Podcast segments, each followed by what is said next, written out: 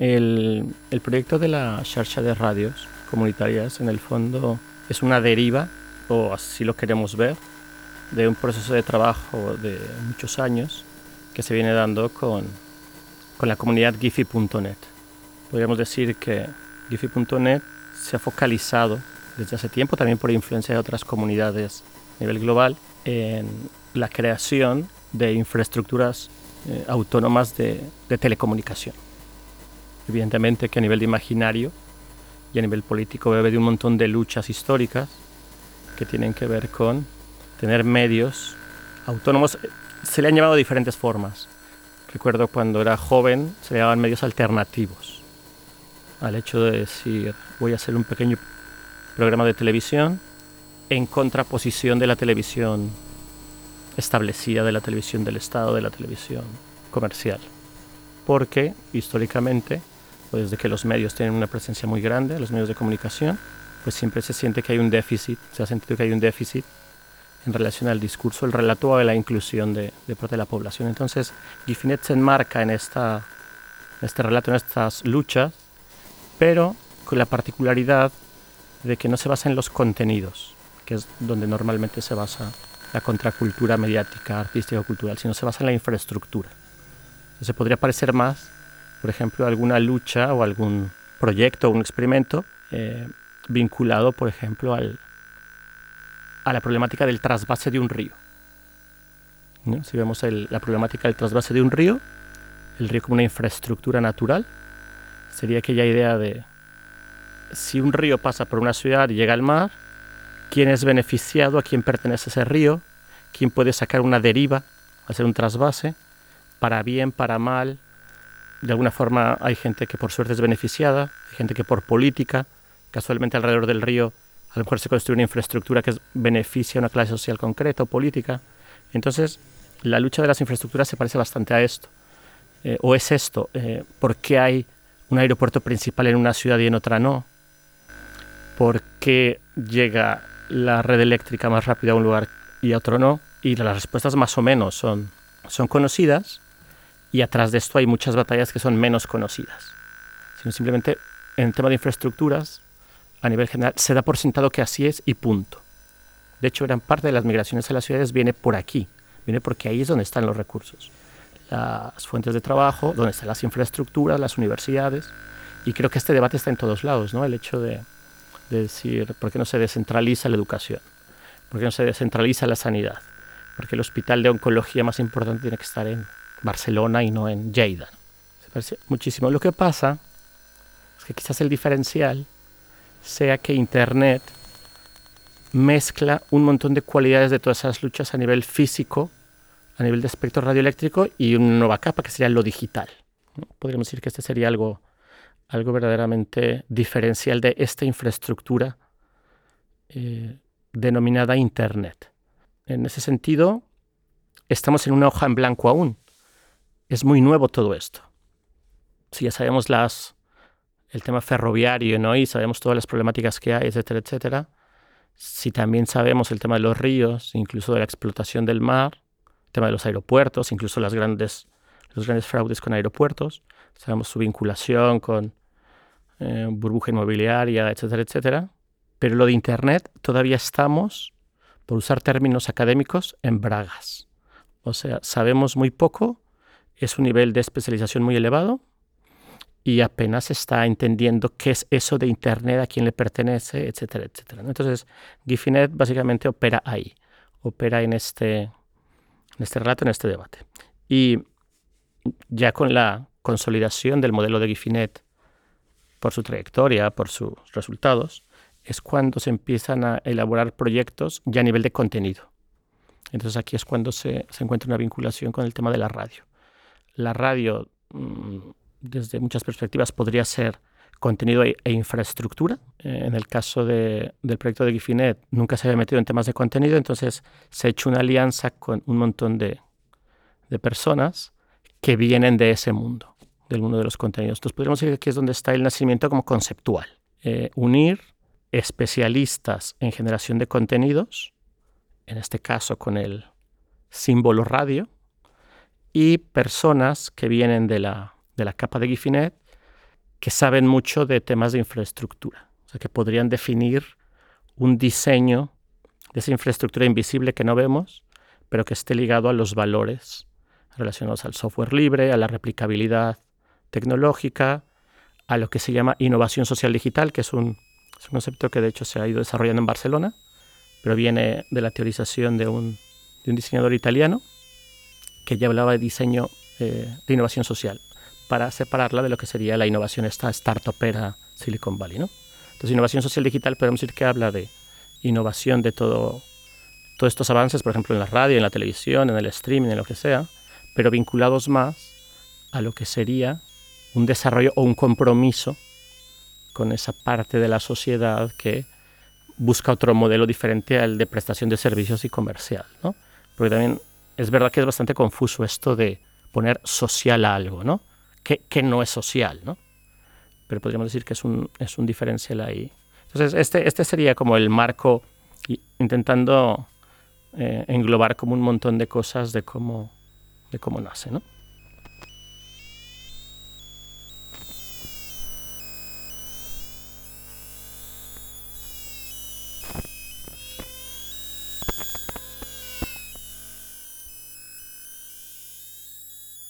Nuestro acercamiento, concretamente a las matrices de la radio, tienen que ver con lo que puede ser de uso común y lo que está privatizado y lo que es público. Entonces, en ese sentido, según la geografía donde te muevas, hay un montón de directrices diferentes. Estados Unidos, como siempre, es un, claro, como es un continente casi ahí adentro, es un laboratorio de un montón de experimentos capitalistas, tardocapitalistas, inclusive algunos verdaderamente estrambóticos comunistas, intentando devolverlos capitalistas. Luego tienes eh, realidades, por ejemplo, en lo que sería la llamada Latinoamérica, y, ahí tienes otro tipo de debates muy, muy interesantes que sí que están vinculados a que en el nacimiento de determinadas constituciones nacionales meter, ingresar, eh, añadir derechos a comunidades nativas en temas de radiodifusión, en temas de espectro radioeléctrico, etcétera, etcétera. Y hay un montón de experimentos que se han hecho históricamente en relación a esto. También en territorios más grandes puedes encontrar un montón de experimentos más potentes porque no se puede controlar todo desde el Estado por más que quieran vigilar. Entonces, por ejemplo, en ciudades como Ámsterdam, son ciudades muy potentes, pero es muy fácil encontrar las radios piratas que hay. En, el territorio donde nos encontramos hay, una serie de, características muy propias que están evidentemente vinculadas a la geopolítica que se ha dado desde la transición hacia acá. O sea, todavía es muy presente el tema de la dictadura en muchos sentidos, pero también en lo que tiene que ver con licencias, en lo que tiene que ver con regulación del espectro radioeléctrico, etcétera, etcétera. Hace dos días salía una noticia que, que el exdirector, que, que está como hiper, ¿no? Denunciado de la SGAE porque ha defraudado y se ha burlado, básicamente, pues va a regresar a ser presidente otra vez, ¿no? De, esa, de la SGAE. Entonces, claro, te está hablando de una realidad casi inamovible todavía de algunas épocas. Está como muy, muy marcado que se consolidó lo que sería toda la estructura nacional pública. La privada entró en muy pocos años de una forma poderosísima. Muchas públicas que se fusionaron se convirtieron en privadas. Y luego, a nivel de estudios, en la UAB hay, hay un estudio bastante interesante que hablan de un encasillamiento de todo lo demás como el tercer sector. Y ahí, ahí metieron todo, lo cual es bastante conflictivo. ¿no? O sea, tiene una parte buena para mucha gente que, ah, bueno, consideran que lo que no es público es privado, es tercer sector. Y así le llama el informe, que es un informe, me parece, encargado por la, por la Generalitat. Este, lo puedes descargar, está por ahí. Pero ¿qué pasa con ese llamado tercer sector? Es casi como lo de world music, ¿no? es esta historia de música jazz latino, o sea, todo lo que se puede entender desde el mainstream euroblanco y todo lo que yo no puedo entender, en vez de hacer un trabajo, analizarlo, hacerlo más simétrico y tal, es world music, ¿no? Como esa parte del FNAC, donde está todo lo raro, ¿no? Y lo mismo pasó con esto. Entonces, ¿qué pasa? Que ahí adentro tienes desde instituciones que son llamadas tercer sector, pero que son, están muy financiadas, que evidentemente llevarán ventaja con algo supergestionado de barrio que también está metido en ese tercer sector. Entonces es bien complejo, pero limitado, porque es público, privado y tercer sector. Y si no te quieres entrar a ese llamado tercer sector, entonces ya eres súper ilegal.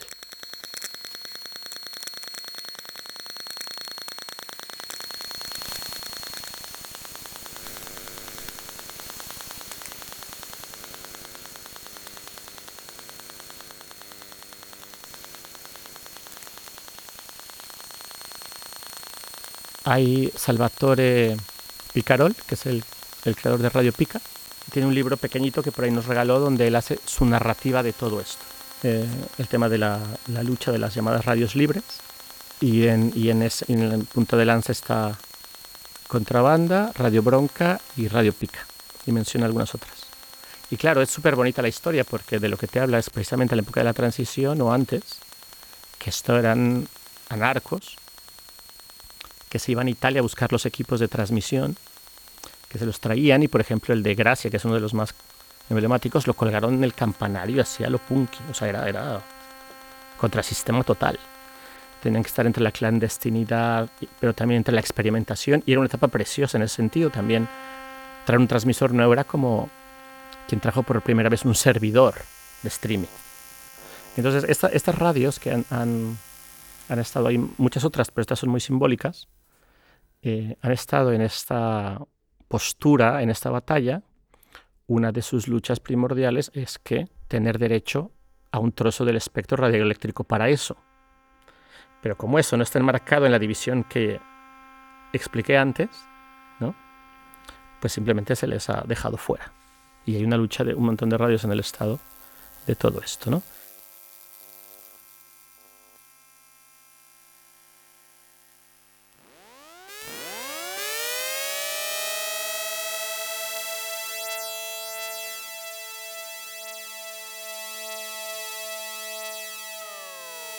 Es que hubo como un trato a nivel Cataluña, un pacto, se reunieron todos en el Palau Robert, parece que estaba Jordi Pujol y un montón de gente, y por ahí una frase que saltó Jordi Pujol o uno de estos dirigentes que dijo, en Cataluña todas las radios son libres, ¿no? Entonces todo el mundo, vale, ¿y eso qué quiere decir? Ah, vale, pues todos tiren, ¿no? Por allá. Es fascinante esa parte de la historia, está documentado en varios lugares, que fue como, eh, o sea, esta ya es mi interpretación y, y un poco por lo que hablábamos con Picarol, ¿no? Claro, fue como una especie de pacto de a ver si vamos, lo dejamos ahí en la ambigüedad para que se puedan hacer cosas, ¿no? Defendamos también, defendemos por un lado la libertad de expresión, no reprimimos tanto, se está abriendo todo esto y ahí hubo como una especie de entre promesa no cumplida o abierta, que hubo gente que se, decepcionó, otra gente que dijo podemos permanecer, etcétera, etcétera. Y esto a nivel material a que llevó, a que se dejara que muchas radios estuvieran en el modo alegal. ¿Qué significa esto? No está en ningún lugar redactado, sino se quedó, bueno, somos alegales. Y si tú escuchas, por ejemplo, una programas de contrabanda, de bronca, tal, lo, afirman mucho. Somos una radio independiente, autogestionada, libertaria, tal, alegal. ¿no? Que, no es ilegal porque tampoco nunca se les dijo que fuera ilegal. Entonces, hicieron como pactos en donde, bueno, tú estabas en esta frecuencia, pero la, eh, la gente de contrabanda habla de esto. Antonio Narváez, uno de los fundadores, habla de esto en donde les dijeron, tú estás en el 91 punto algo, pero aquí va a entrar no sé quién, una de las potentes, venga, va, hazte un poquito al lado y ahí ya lo podemos interpretar de muchas formas, como ahí no molestas y te dejamos, o venga, te dejamos ahí y nadie te y, sé independiente, o sea, hay, hay, un montón de lecturas, pero podríamos decir que está en una ambigüedad bastante, bastante grande todo esto hoy en día aún. También estás ampliando la zona de paso, la zona federal, que ellos le llaman, ¿no? Una zona en la que ellos tienen derecho a construir vías de comunicación para reparaciones de la obra, etc. En otros lugares, ¿qué pasa? Es muy claro y ponen ahí lo que es el delito federal. Aquí se guarda en esa carta. ¿Qué quiere decir? Que si de repente hay un movimiento muy grande de radios que están ocupando determinadas frecuencias y tal, pues cuando quieren apretar, activan ese artículo Y un delito federal es bastante grave, o sea que es la obstrucción en las telecomunicaciones federales. Por ejemplo, entrar en una parecido a entrar en una frecuencia del ejército. ¿no? Ahora estamos con radios, ahora te puedes comprar cualquier tipo de radio para entrar en muchas frecuencias. ¿Qué pasa si entras por una frecuencia, ¿no? que puede ser divertido, es un performance, pero si en ese momento te detectan, esto pasa a ser algo verdaderamente grave. Entonces aquí lo que ha pasado es que cuando sistemáticamente, no solamente habla del tema de la radio, sino también televisiones alternativas, o en el caso de redes de Internet, que alguien ha entrado en frecuencias que no necesariamente están en esos marcos, puede haber problemas bastante serios o multas de 60.000 euros, 30.000, que básicamente son disuasorias para que nadie más lo vuelva a hacer y, terminan hundiendo el proyecto. ¿no? Aquí el, el caso así que así contemporáneo más famoso es el de la tele, que les metieron, metieron 60.000 euros de multa porque empezaron a transmitir por TDT y ocuparon una frecuencia que era privada. ¿no?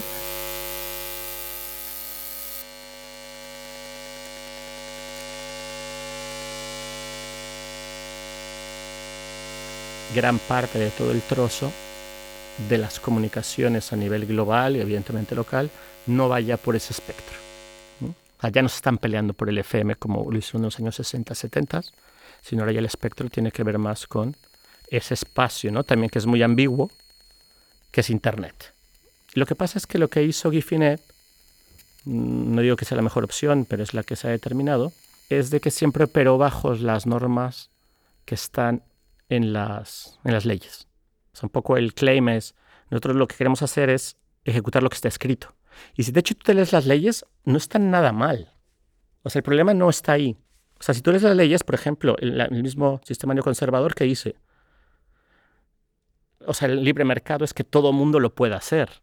O sea, ese es el libre mercado y está así desarrollado. ¿Y a quién se refieren con todo el mundo? Que no sea solamente el Estado. Vale, pues entonces vamos a hacerlo todo el mundo. Pero claro, es, ellos a quien se refieren es al sector privado. Pero si tú lo lees, y como no dice tan claramente, yo y mis colegas, sector privado, si tú lo lees, quiere decir y estimula que cualquier persona sea capaz de desarrollar infraestructuras para Internet. Otra cosa es que luego ya ahí vienen los lobbies y viene todo eso, ¿no?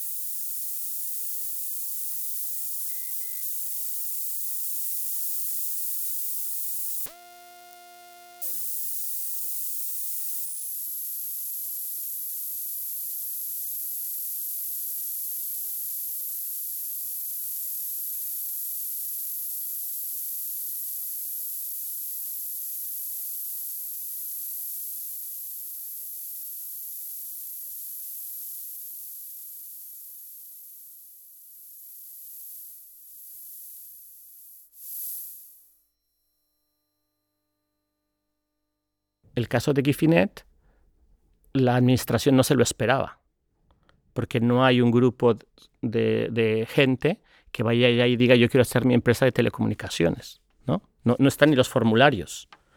O sea, las leyes lo permiten, pero todavía nos pasa cuando nosotros tratamos con bastantes administraciones que están acostumbrados a que llegue alguien de una empresa transnacional a negociar una serie de cosas en relación a la conectividad de Internet y de repente pues puede llegar alguien, ocupemos la palabra normal, o no de empresa, que dice sí porque estamos haciendo fibra óptica en nuestro barrio, ¿no? ¿Y tú quién eres? Ah, pues somos de una comunidad.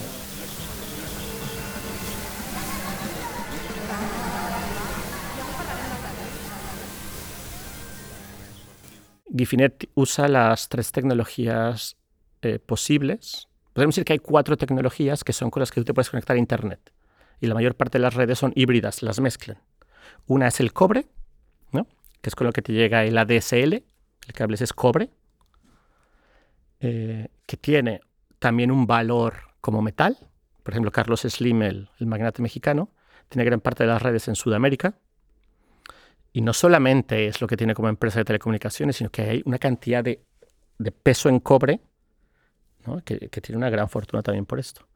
Pero digamos que el cobre es cada vez más ineficiente. Porque aparte precisamente por ser un material, pues se calienta, se rompe, tiene una conductividad muy concreta, que va bajando si es más, el trazo es más largo, etcétera, etcétera. Luego tienes el gran invento revolucionario que serían las tecnologías inalámbricas, lo que se conoce como el Wi-Fi, el Wi-Fi, pero que en el fondo eso es más complejo de lo que conocemos. Hay un montón de tecnologías inalámbricas y hay unas en concreto que permiten enviar Internet, por decirlo así.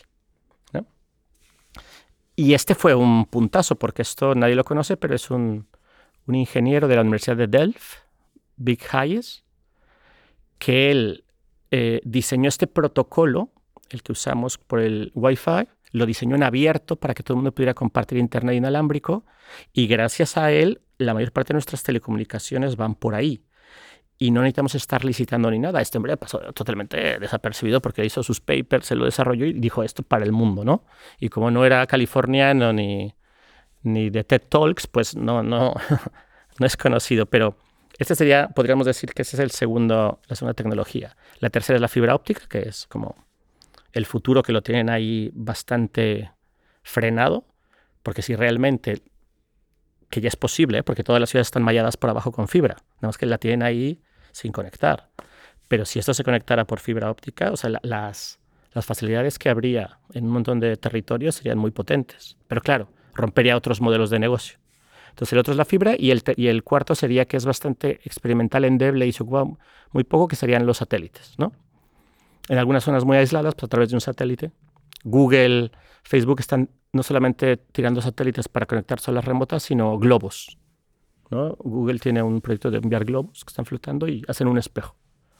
Entonces, dentro de estas tecnologías, la inalámbrica tiene una facultad muy interesante que pudo aprovechar Gifinet y otras comunidades a nivel global, que es que si yo puedo conectar de una antena a otro lugar a nivel potente, es básicamente un cable, pero si no hay frecuencias libres, entonces yo no puedo ser una comunidad de práctica low cost porque tengo que pagar la licitación de esas frecuencias, entonces me sale muy caro, o tengo que hacer un modelo de negocio. Pero se hizo un acuerdo internacional y hay dos frecuencias que son de uso común casi a nivel internacional. Por un montón de políticas también, ¿eh? no porque sean buen rollo las... Y esas son las que ocupan. ¿Qué quiero decir? Que tú, con unos manuales, un poco de conocimiento, tres colegas, unas birras y tres cacharros más de software libre, puedes hacer que dos pueblos se conecten a un nivel muy competente y que ya se hagan red. Inclusive sin tener internet, o sea, que se comuniquen simplemente a partir de dos antenas con datos. ¿no? O sea, podrías hacer un Napster de eh, Mataró por sí solo con costos por persona de entre 30 y 60 euros. Y este es, la, este es el potencial y no tienes que pedirle permiso a nadie. O sea, tienes una serie de normas que bien estudiadas, buenas prácticas, la puedes ejecutar, pero si a ti el canal es de uso común y no tienes que ir a pedir un permiso tal, tú puedes tomar la decisión con otra persona de conectarte y haces despejo, ¿no? Que haces despejo, despejo, lo rebotas y como esto ya tiene como casi 16 años, ya hay mucho desarrollo tecnológico muy potente que favorece esto, ¿no?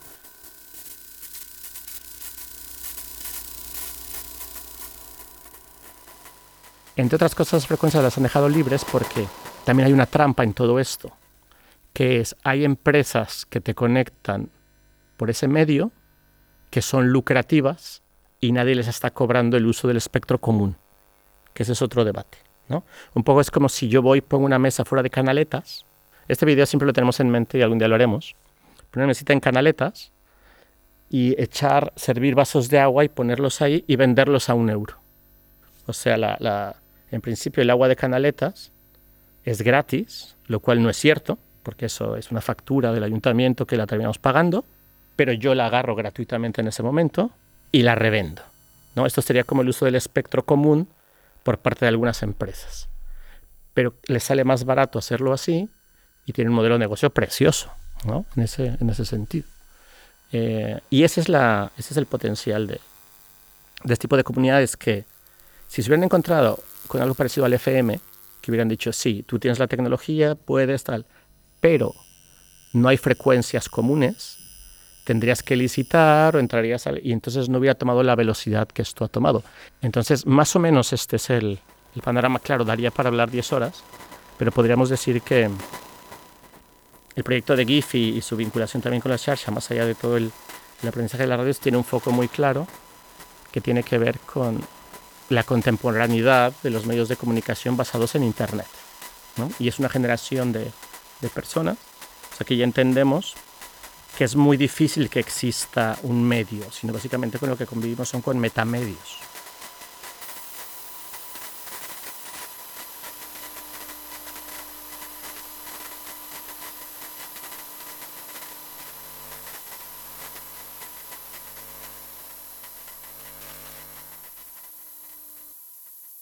En relación al, FM, hay mucha gente que no ha dejado de resistir y de hacer resistencia.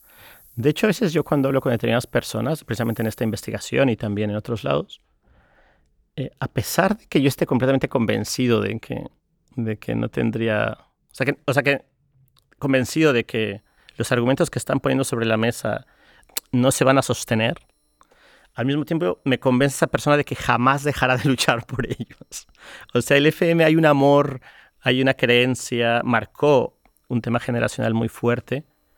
Por ejemplo, el FM ya no es difícil que te lo quiera defender a alguien de menos de 18 años. De hecho, esta pregunta que me acabas de hacer sin saber tu edad es muy pertinente de alguien de tu edad a alguien de mi edad.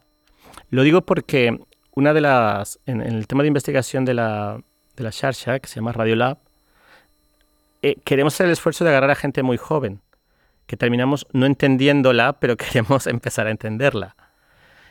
Porque nos damos cuenta que la mayor parte de la gente que estamos participando, incluso también en la música electrónica, en el tema del hacking, todo eso, está de 40 años para arriba. ¿no?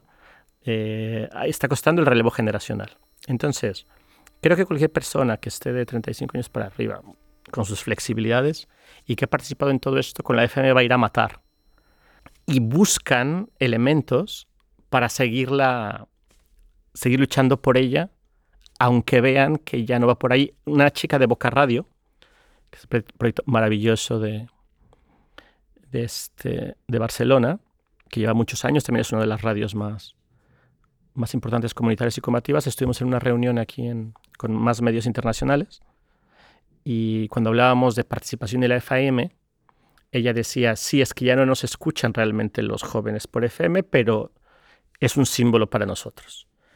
¿no? Entonces, a lo mejor hace 10 años ya te decían, tú estás loco porque la FM nunca morirá. Ahora, a quien le preocupa la participación de gente más joven, sí que ya se lo plantea, pero dice, pero tenemos que estar ahí. Y hay otra gente que piensa, no, ¿y qué pasa con nuestra gente mayor? Etcétera, etcétera. Entonces, punto uno, nunca, nunca acabará esa resistencia.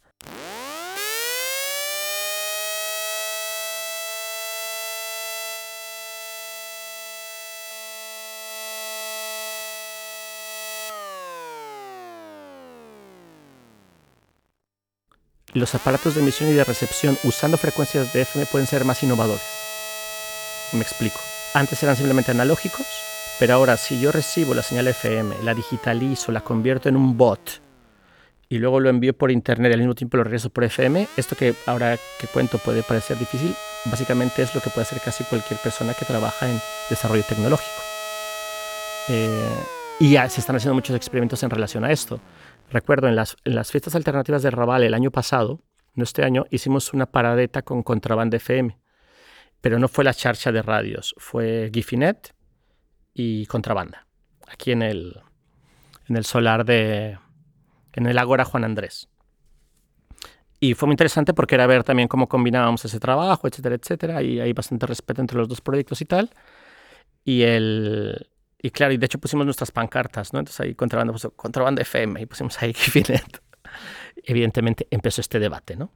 De nosotros les damos internet, lo tiran por streaming, pero ellos lo quieren llevar por FM y, yo le preguntaba, bueno, y son muy cracks aparte a nivel técnico, ¿cómo le hacen? Porque aquí, o sea, ustedes FM lo quieren enviar por ahí, pero aquí no tenemos un transmisor de FM. Entonces inventaron tirarlo por streaming y tienen un software que lo transforma al FM. O sea, a la inversa. Cumplen con la parte de FM, pero ya todo lo están haciendo en digital. Y entonces hay un montón de cosas que están operando en esta función. Nosotros presentamos en, con Mobility Lab, que es un, un laboratorio que tengo de, experimentación de todo esto, hicimos un bot para temas de acoso en las calles, para temas del tema de los desahucios, etc. Un bot de Telegram, ¿no? Un bot, para quien no lo sepa, pues son unas pequeñas instrucciones informáticas, un algoritmo que te permite incrustarlo en alguna plataforma como Telegram o cualquiera de estas y genera una serie de acciones automatizadas. ¿no?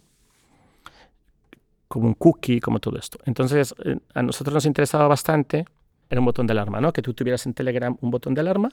Entonces, ese boot enviaba a través de hashtag a determinadas personas avisos. ¿no? Hoy en tal calle están, un vecino vio que están acosando a una persona. Lo envío, entonces el teléfono me permite enviar la localización, hashtaguea a las, alarmas y a lo mejor lo envía a la policía o a la sociedad de vecinos o al vecino de enfrente, ¿no? Un poco por aquí. Pero queríamos impregnar en el, espacio también físico. Y entonces yo recordé que en, en México, en algunas calles, tenían botones sonoros de alarma. O sea, de, de, un botón que tú tienes y le das zasca y suenan altavoces en la calle. Esa calle se había puesto de acuerdo, habían puesto altavoces, pero que ahora físico a tope. Y entonces nosotros pensamos, bueno, si aparte nosotros vivimos en el Raval y, tenemos las ventanas, ¿por qué no ponemos altavoces? Que aparte ahora puedes poner altavoces de minutos. Si alguien en Telegram envía la señal, que entre también por la frecuencia FM. Entonces, esto que antes era muy complicado, ahora lo puedes hacer. Evidentemente, ahí hay una parte bastante ilegal en eso que estamos haciendo. Pero es momentáneo, pero una urgencia, ¿no? Es como nosotros lo consideramos. pero que esto era un transmisor de 30 euros con una tarjeta que digitaliza y luego ya lo transformas también a otra frecuencia. Entonces, hoy en día me parece que la innovación en FM y las prácticas van a ir más por acá porque se va a relajar más ese sentido, porque no es que le bloqueen a alguien solamente por un tema de libertad de expresión, sino es por un tema económico los grandes debates que ha habido con el tema de las antenas, que es donde están todas porque son las que tienen visión, es por un tema comercial y, básicamente de intereses también políticos. De hecho, si tú miras en todas las ciudades del mundo, así emblemáticas, la gente se hace fotos en las torres de telecomunicación. O sea, la Torre Eiffel es una torre de telecomunicación. El, el Empire State es una torre de telecomunicación. Eh, o sea, todas son antenas. Y precisamente están ahí, lo que es la de Calatrava que está aquí en Montjuic, que es una antena, pero bueno, la hizo ahí caprichosamente, ¿no? Como un queso blanco. Pero la de Norman Foster, es que fue uno de los proyectos que pusieron con los Juegos Olímpicos. Claro, eso es, es la más alta, de ahí quien tiene antena puede llegar mejor a su audiencia, de ahí puede saltar a otra ciudad. O sea, el tema del, de la repartición del espectro va, va bastante por ahí. Entonces el Carmel podríamos decir que es donde se pueden poner las antenas en Barcelona, que no son los que tienen tanto dinero para pagar y están en la de Norman Foster, ¿no? Pero ahí es donde viene y donde están los debates, porque si hay una empresa, si Cadena Cero, cualquiera de estas, quiere llegar a más, a más espacio, no quiere que haya otras antenas que se le solapen con la frecuencia, ¿no? Y por eso había también una lucha tan encarnizada, pero ahora mismo Cadena Ser, a donde te llega a ti es por datos. Punto dos, el vaciamiento de un espacio político.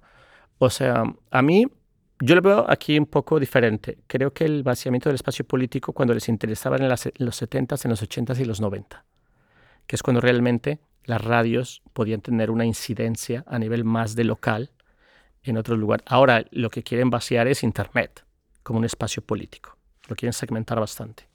Al contrario, yo creo que la FM precisamente como está perdiendo relevancia en casi todos los sentidos, a nivel económico, etcétera, etcétera. Por ejemplo, ¿quién va a meter financiamiento a, a la FM hoy en día en comparación con meterlo a Instagram?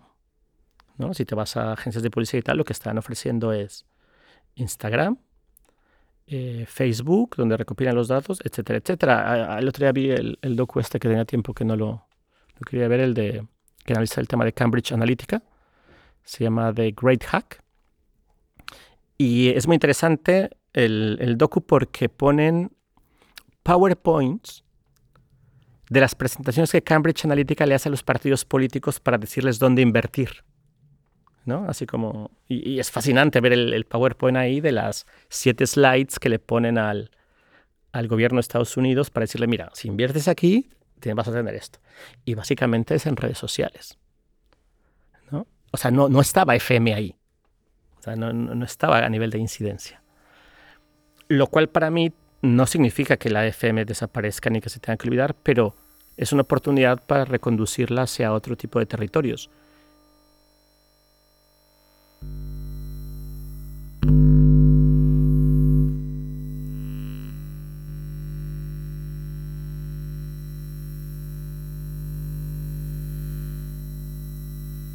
¿Cuál sería el espacio político ¿no?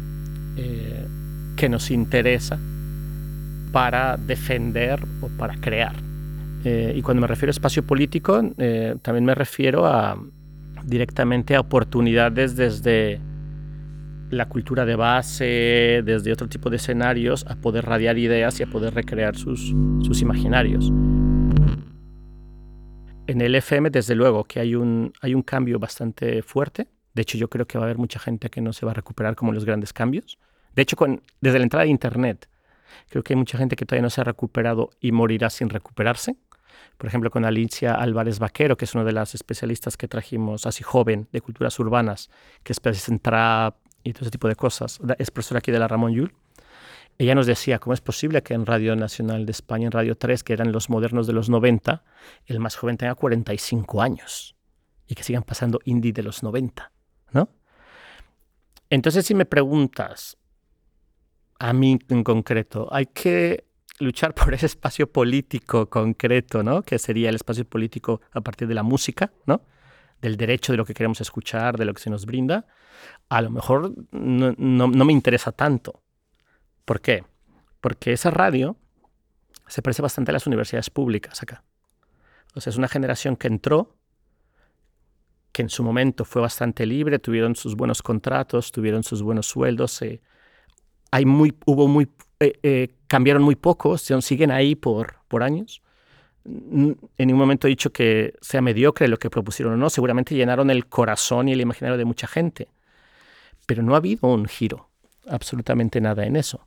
¿no? Y lo, hago la analogía con las universidades porque lo mismo pasó, ¿no? O sea, la gente que ahora sigue, ¿no? Se sacó una plaza hace 15 años y creo que hace 10 años no se saca una plaza de profesor titular. O sea, una, entonces, la geografía aquí concreta en estos territorios creo que es muy, muy específica y ha, habido como una distancia muy grande entre lo que se generó en la, en la transición, bueno, después cuando empezó la democracia, y ha habido un periodo de crecimiento, pero bastante inamovible de las figuras o los actores de ese, por ejemplo, indie musical español, ¿no? Se puede sentir, o sea, eh, muchas veces estamos eh, tentados a hacer un pequeño software que diga, a ver, cuenta a la semana cuántas veces han dicho o han puesto a los planetas. O cuántas, y, te saldría un número bastante condensado de, de repertorio y de experimentación hacia otros lados. Y a esto me refería el territorio, número de audiencia, tema de edad y también la estructura política que tuvieron todos estos lugares. ¿no? Cuesta mucho en ese sentido hay pocos escenarios y los iconos de los 90 y todo esto siguen estando ahí. Y si lo vemos, eh, historia diagonal Internet, ¿no? que me gusta últimamente proponerlo así, porque el cambio desde que nace Internet y hacia dónde vamos va a una velocidad que podría, 10 años de esta vida podría significar 90 de otro lapso histórico del tiempo. A lo mejor se podría comparar como con la revolución industrial o algunas cosas, ¿no? Y algunos fenómenos que se parecen, ¿no? Está el tema de los luditas, me parece que eran, que eran obreros, que se podría parecer mucho al, conflicto de Globo, ¿no? Que según como los leas, decían, no es que odiaban la tecnología porque odiaban las máquinas de la revolución. No, no, no odiaban eso. Odiaban que esas máquinas incluían unas nuevas explotaciones enmascaradas de progreso. Entonces podría parecer bastante lo que pasará con las... Pero digamos que esos cambios se han dado pocos en la historia y el cambio que tenemos ahora que atraviesa y se entendía al principio simplemente como un medio de comunicación, que sería Internet, ahora nos damos cuenta que no es solamente un medio de comunicación, De hecho, hace poco, en la presentación del libro de Marta Peirano, que acaba de sacar, ella dice, es una estructura militar el 5G que está en nuestras ciudades, ¿no? Pero esto ya lo vienen desarrollando un montón de teóricos de Internet o gente que está vinculada a esto. Entonces, al parecer, es un poco más potente o mucho más que lo que estamos considerando en el territorio de la comparativa del FM a Internet.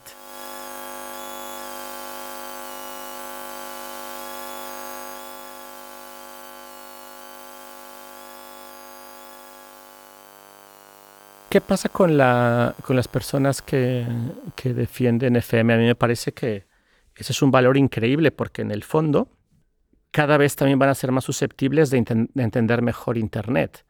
Eh, a nosotros, por ejemplo, nos pasó una experiencia con la gente de, desde Gifinet, con la gente de los radioaficionados.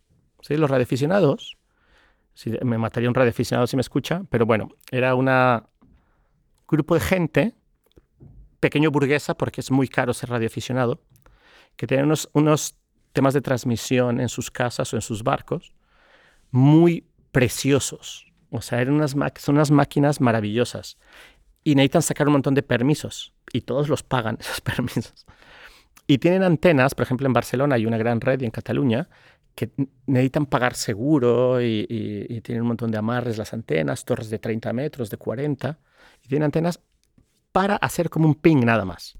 Mandar una señal a Sudáfrica en Sudáfrica hay otro, otra persona igual que él, recibe el ping, pero no hay comunicación verbal ni escrita ni nada, sino nada más en el mapa, ¿no? Así tipo submarino, que le llegó algo de Barcelona, y entonces esta persona le escribe una postal y se le envía vía postal, vía correo postal y le llega. Y esa es la práctica. Y cuando Gifinet empezó a entrar en Barcelona, ellos empezaron a, digo ellos en concreto porque realmente nada más conocimos a puros hombres, como a denunciar decir, ¿por qué eh, esta red ¿no? no paga licencias? ¿No? ¿no? No se paga licencias por lo que expliqué de las frecuencias libres. Y porque nosotros tenemos que pagar todas estas licencias. ¿no? Eh, y bueno, era una guerra más que teníamos. Al final de cuentas nos estuvimos hablando y tal. Y ellos lo que dijeron es, hostia, pero es que nosotros desde IFI sabemos entonces muchísimas cosas. Digo, claro, es que es lo mismo. Lo que pasa es de que la, el relato es diferente, pero ellos exactamente lo que hacen es lo mismo, pero con una matriz tecnológica y una práctica cultural que no se había movido. Pero todos ellos con sus torres, lo que se gastan en cacharros, tal, solamente se dieron cuenta de que esto estaba pasando porque ya sus hijos, ¿no? Decían, yo no, yo no voy a agarrar eso, yo quiero eh, hablarle a alguien por internet, papá, ¿no? O mamá. Y creo que estos son los cambios que cuestan bastante trabajo, pero cuando llega a existir ese acercamiento, toda esa gente que venía de allá simplemente se suma a otra guerrilla más potente y con más conocimiento. Por eso yo creo que a mí lo que me parece más interesante del tema del FM es que tiene un montón de experiencia en la lucha por la defensa de eso, ¿no? desde los medios de comunicación. Es una tecnología que finalmente dominó gran parte del siglo XX a un montón de niveles y que ahora está en una transformación tan bestia que se necesita un tiempo para asimilarla, pero que se va a terminar haciendo. Y finalmente, que no creo que un relato político, hablando de, ese espacio político, ese discurso, esté basado en un medio en concreto, sino que creo que se puede no solamente transformar, sino potenciar en función de a dónde lo muevas. Porque finalmente creo que casi cualquier tema que pongamos sobre la mesa, ¿no? Eh, desigualdad, sigue siendo insuficiente nada más hacerlo a través de la televisión, ¿no? O es educativo, es escrito, es en fanzine, es en teatro, ¿no? es en performance, es en, todo esto. Es un poco la promesa del arte, ¿no? del Gesamtkunstwerk. ¿no? O sea, es la obra de arte total, que no es, no es una cosa en concreto, ¿no? sino básicamente es una, una especie de convergencia que, que tiene que entrar en la sociedad desde diferentes ámbitos. Porque si nada más lo canalizas desde la cultura, pues ya sabemos un poco lo que pasa. ¿no?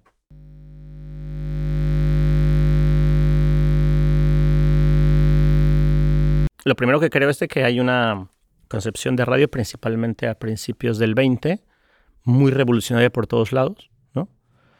sé, desde los dadaístas, estridentistas, pero también desde prácticas de teatro, militar, etcétera, etcétera, que se dieron y que teorizaron mucho, pero que sí que tenían un campo más llano y limpio para definir cosas porque era nuevo.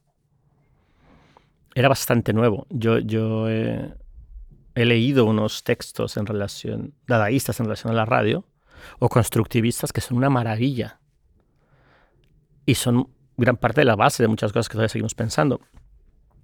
Pero es verdad que analizándolo en perspectiva, lo que sucedió en ese momento era, era bastante nuevo y no había tantos solapamientos como lo, lo hay ahora. En relación a eso, nosotros tenemos en el Radio Lab una entrevista a Karma Peiro, que en ese momento era la directora de Nación Digital. Es para mí una de las periodistas vinculadas al desarrollo tecnológico en, en Cataluña, pero también en el Estado. Yo creo que más, que más se ha comprometido en todo esto y que no le quita el pulso a, a la visión tanto crítica, pero también ha estado en medios, ha estado en TV3, en un montón de lugares y, no sé, su criterio siempre me, me enseña bastante. Y una de las preguntas en relación a las modificaciones de la radio, antes de que nosotros pudiéramos hablar de por qué, por ejemplo, le llamamos charcha de radios comunitarios, ella decía, pues que ustedes quieren una radio, llámenle radio, pero de lo que están hablando no es radio, ¿no? Y dice, ya olvídense de eso, o sea, esto no va por ahí, ¿no? Entonces esto lo pongo ahí como la aceitunilla, ¿no?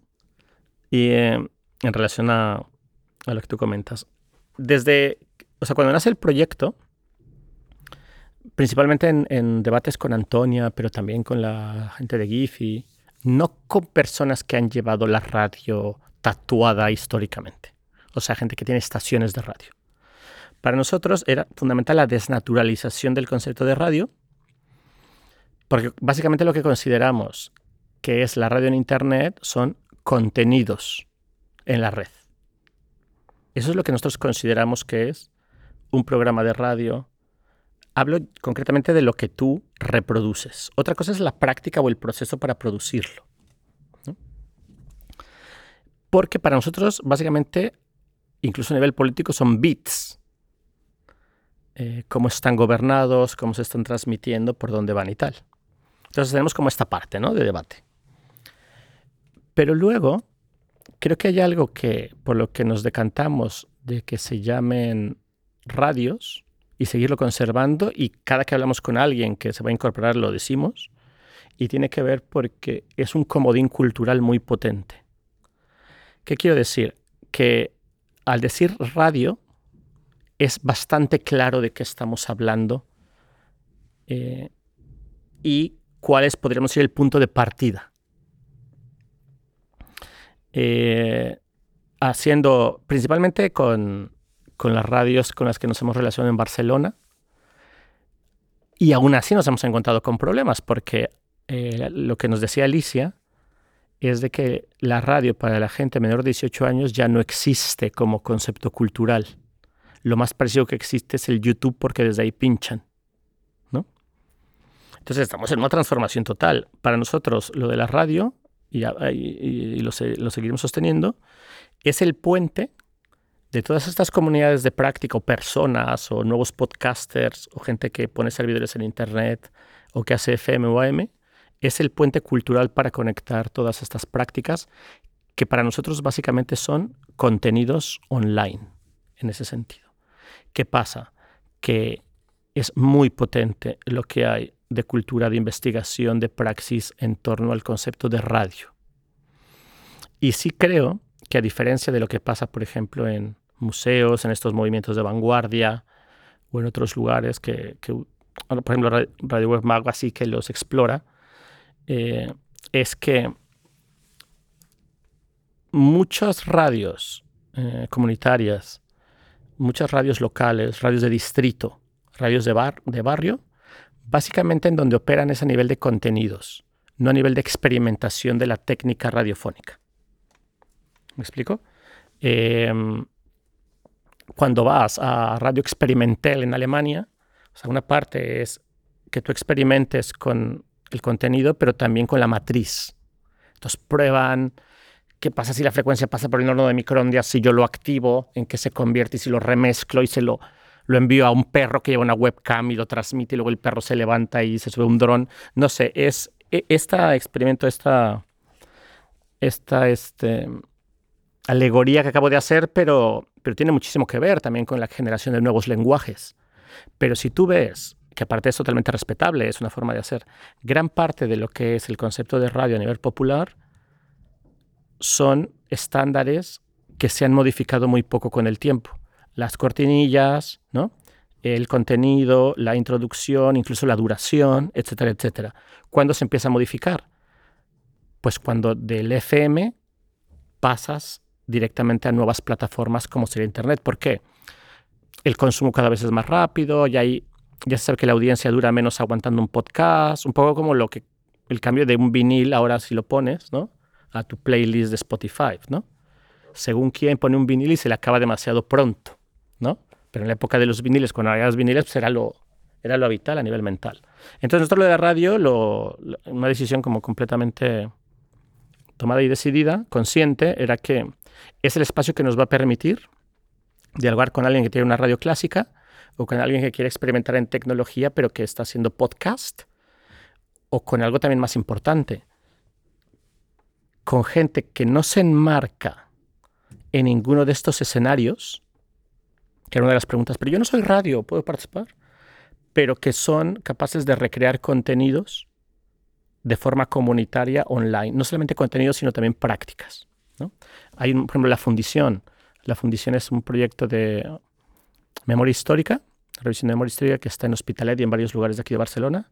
Tiene unos proyectos súper chulos y, y su proyecto es claramente ir a los barrios, trabajar con la gente, hacer red y revisión de memoria histórica contra la oficial. Y tiene un trabajo muy chulo. ¿Qué pasa?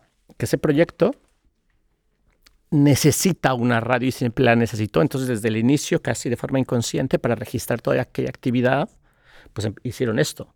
Poner una mesa, una paradeta, y de repente era el dispositivo ¿no? que les permitía de una forma más clara no solamente registrar, sino también empezar a operar en las dinámicas de sus reuniones de una forma diferente, porque no es lo mismo que yo te ponga una cámara así al tema de los micros. Hay, hay, una praxis ahí menos invasiva a agarrar de, ¿sabes? Como objeto de estudio etnográfico alguien que lo tienes rodeado de cámaras. Tú alguien lo sientas en la mesa y es muy simétrico en el sentido eh, arquitectónico ¿no? del espacio en el sentido del diseño del espacio. Entonces, de repente, la fundición tiene ya un montón de podcasts que tampoco es que los haya, pero los tiene ahí y materialmente es una radio. están haciendo radio. Eh, no solamente es una, sino son dos, ya, porque, claro, las temáticas se les juntaron, entonces tienen eh, unidades de memoria, me parece que se llama, y luego, la otra fundición en los barrios, ¿no? Pero así podrían tener tres. Entonces, ese proyecto, así como como el, un proyecto que tiene Nando Cruz, el periodista, que se llama Las Mil Fogueras o algo así. Que Nando Cruz lo que hace es que se va, o sea, niega, ¿no? No, niega, pero dice los circuitos de la música. Él, es crítico musical, periodista crítico musical. Los circuitos que hay de, de la música que mola, de la exitosa, ya están cubiertos. Entonces lo que agarra es que agarra su Vespa y se va a cualquier lugar en Barcelona donde donde haya otro escenario posible, así se llama de hecho. Y ha ido publicando todo esto. Entonces, ¿qué hace? Él vaya,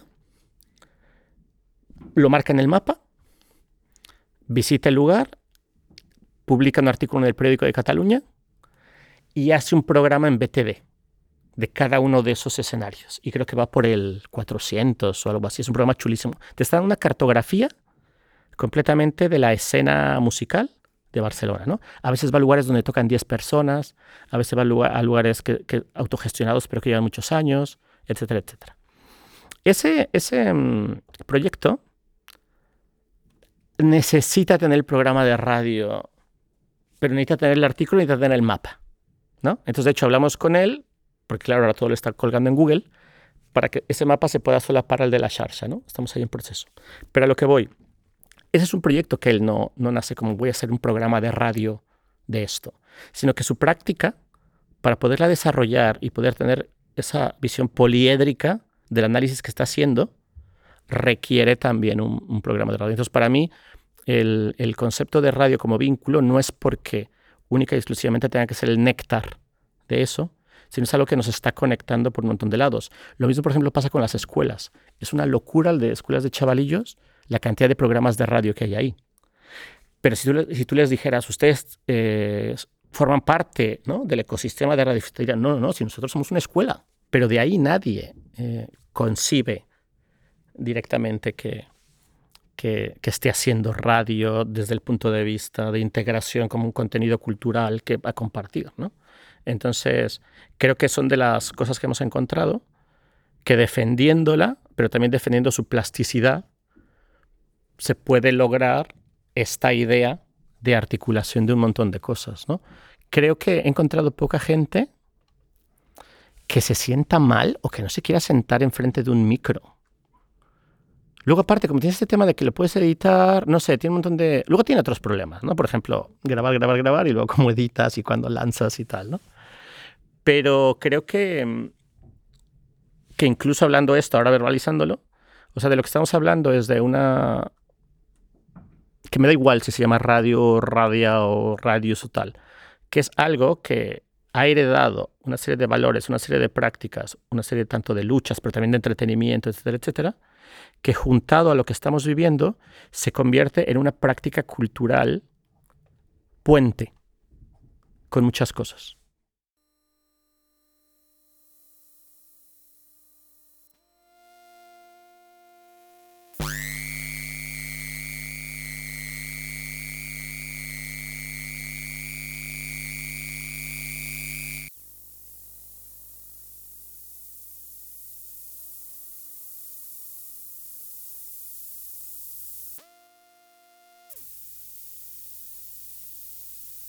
Ahora mismo hay un boom muy potente a través de la radio.